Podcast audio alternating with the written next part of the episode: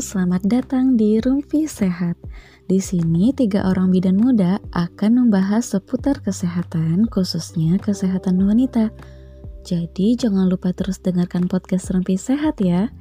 Karena di episode kedua kali ini kita akan membahas tentang menstruasiku sehat tidak ya? Nah, sahabat rumpi, kita awali ngerumpinya dengan membahas tentang apa sih itu menstruasi? Menstruasi merupakan tanda pubertas yang paling utama pada seorang wanita. Wanita yang sudah mengalami menstruasi berarti sudah memiliki kematangan organ reproduksi. Menstruasi adalah proses peluruhan lapisan rahim sehingga terjadi perdarahan dari genitalia wanita sebagai respon terhadap perubahan hormon dalam tubuh. Durasi serta volume perdarahan pada siklus menstruasi yang dialami masing-masing wanita itu berbeda-beda. Nah, oleh karena itu, setiap wanita dianjurkan untuk memperhatikan dan mencatat siklus menstruasinya agar dapat segera menyadari jika muncul masalah tertentu. Siklus menstruasi yang normal adalah rentang 21 sampai 35 hari. Siklus menstruasi adalah jarak dari menstruasi dengan periode menstruasi berikutnya. Cara menghitungnya dimulai dari hari pertama menstruasi hingga terjadi menstruasi periode selanjutnya. Contoh, saya menstruasi tanggal 1 Oktober 2020.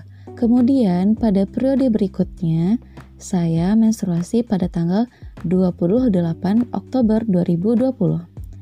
Nah, artinya siklus menstruasi saya adalah 28 hari.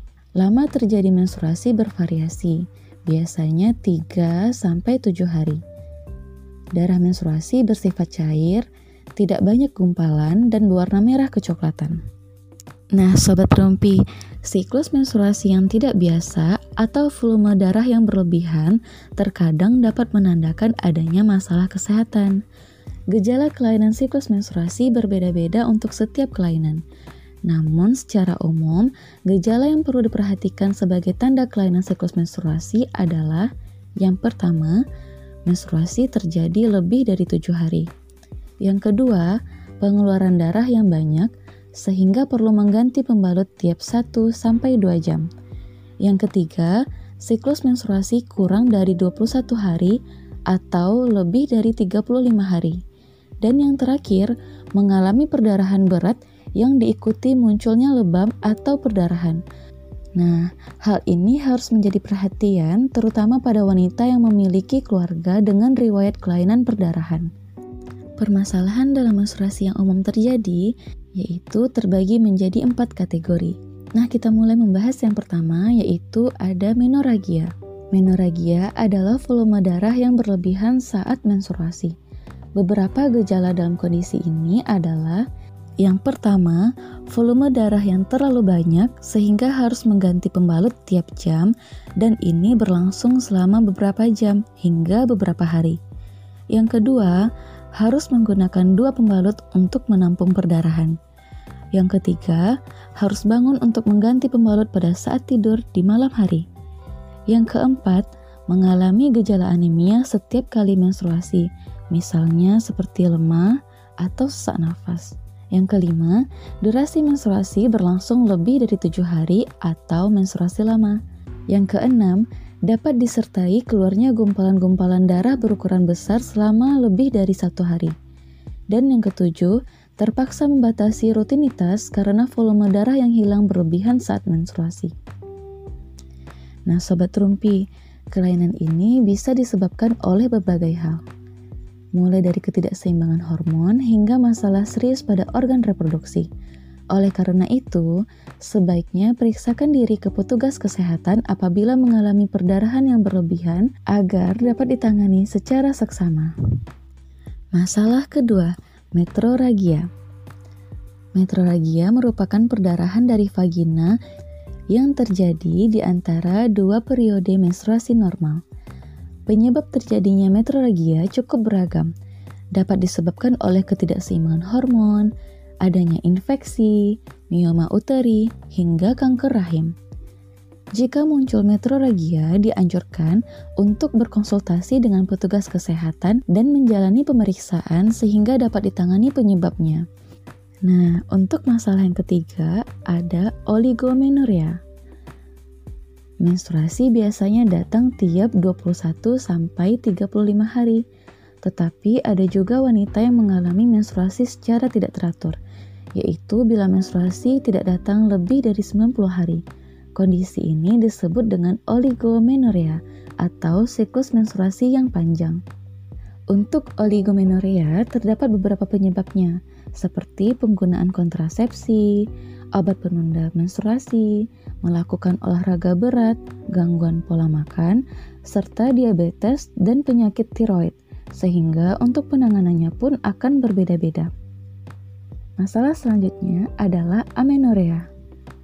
Amenorea adalah kondisi yang merujuk kepada wanita yang tidak dapat menstruasi. Amenor dibagi menjadi dua, yaitu amenor primer dan sekunder.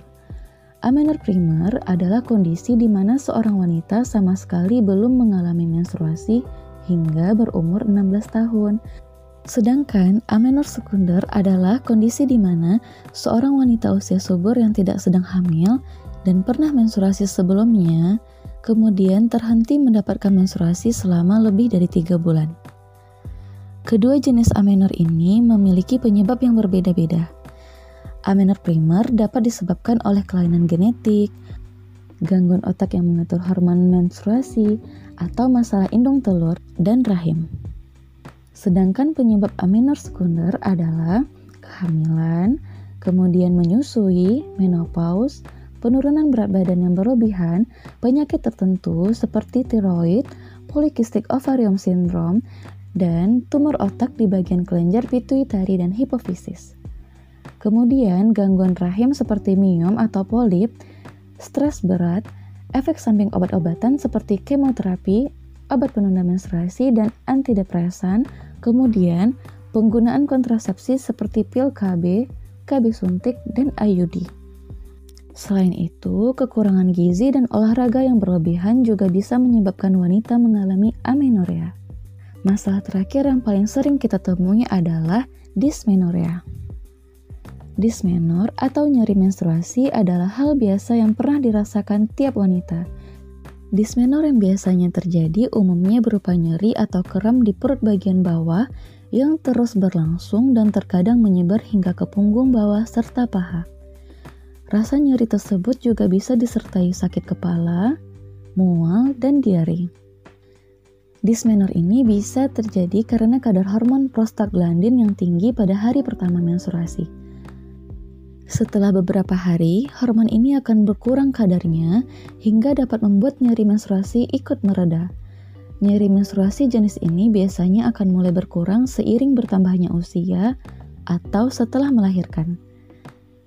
Selain kadar hormon prostaglandin, dismenor juga bisa terjadi karena adanya kelainan sistem reproduksi wanita, seperti mioma rahim, kista atau tumor rahim, radang panggul, dan penggunaan alat kontrasepsi dalam rahim. Berbeda dengan dismenor yang normal terjadi karena peningkatan hormon prostaglandin, dismenor karena penyakit tertentu biasanya akan berlangsung lebih lama dan semakin memburuk seiring bertambahnya usia. Nah, Sobat Rumpi, sekian dulu paparan kita tentang gangguan menstruasi yang sering terjadi dan sering kita temui. Yang paling utama adalah Jangan cepat stres dan jangan sungkan untuk berkonsultasi serta memeriksakan diri ke tenaga kesehatan jika menemui keluhan-keluhan dalam proses menstruasinya.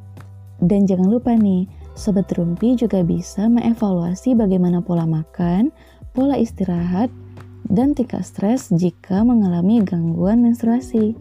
Semoga info kali ini bermanfaat dan jangan lupa share dengan sahabat-sahabat tercintanya. Sampai jumpa di podcast berikutnya. Terima kasih.